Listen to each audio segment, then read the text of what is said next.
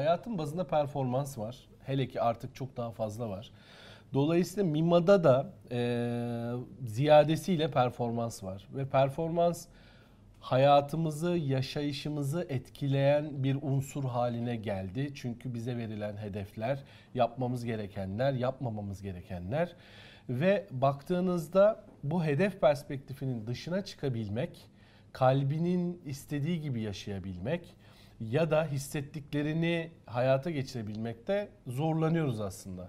E bu zorlanmaların hepsi bir tansiyon yaratıyor, bir gerilim yaratıyor ve bizi arafta bırakıyor. Bazen o olmak istiyoruz, bazen bu olmak istiyoruz.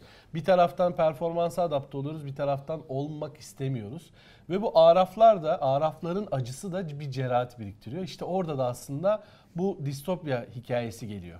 Ve buradaki aslında alayına isyan da o arafın içerisindeki o biriken cerahatlerin isyanı artık.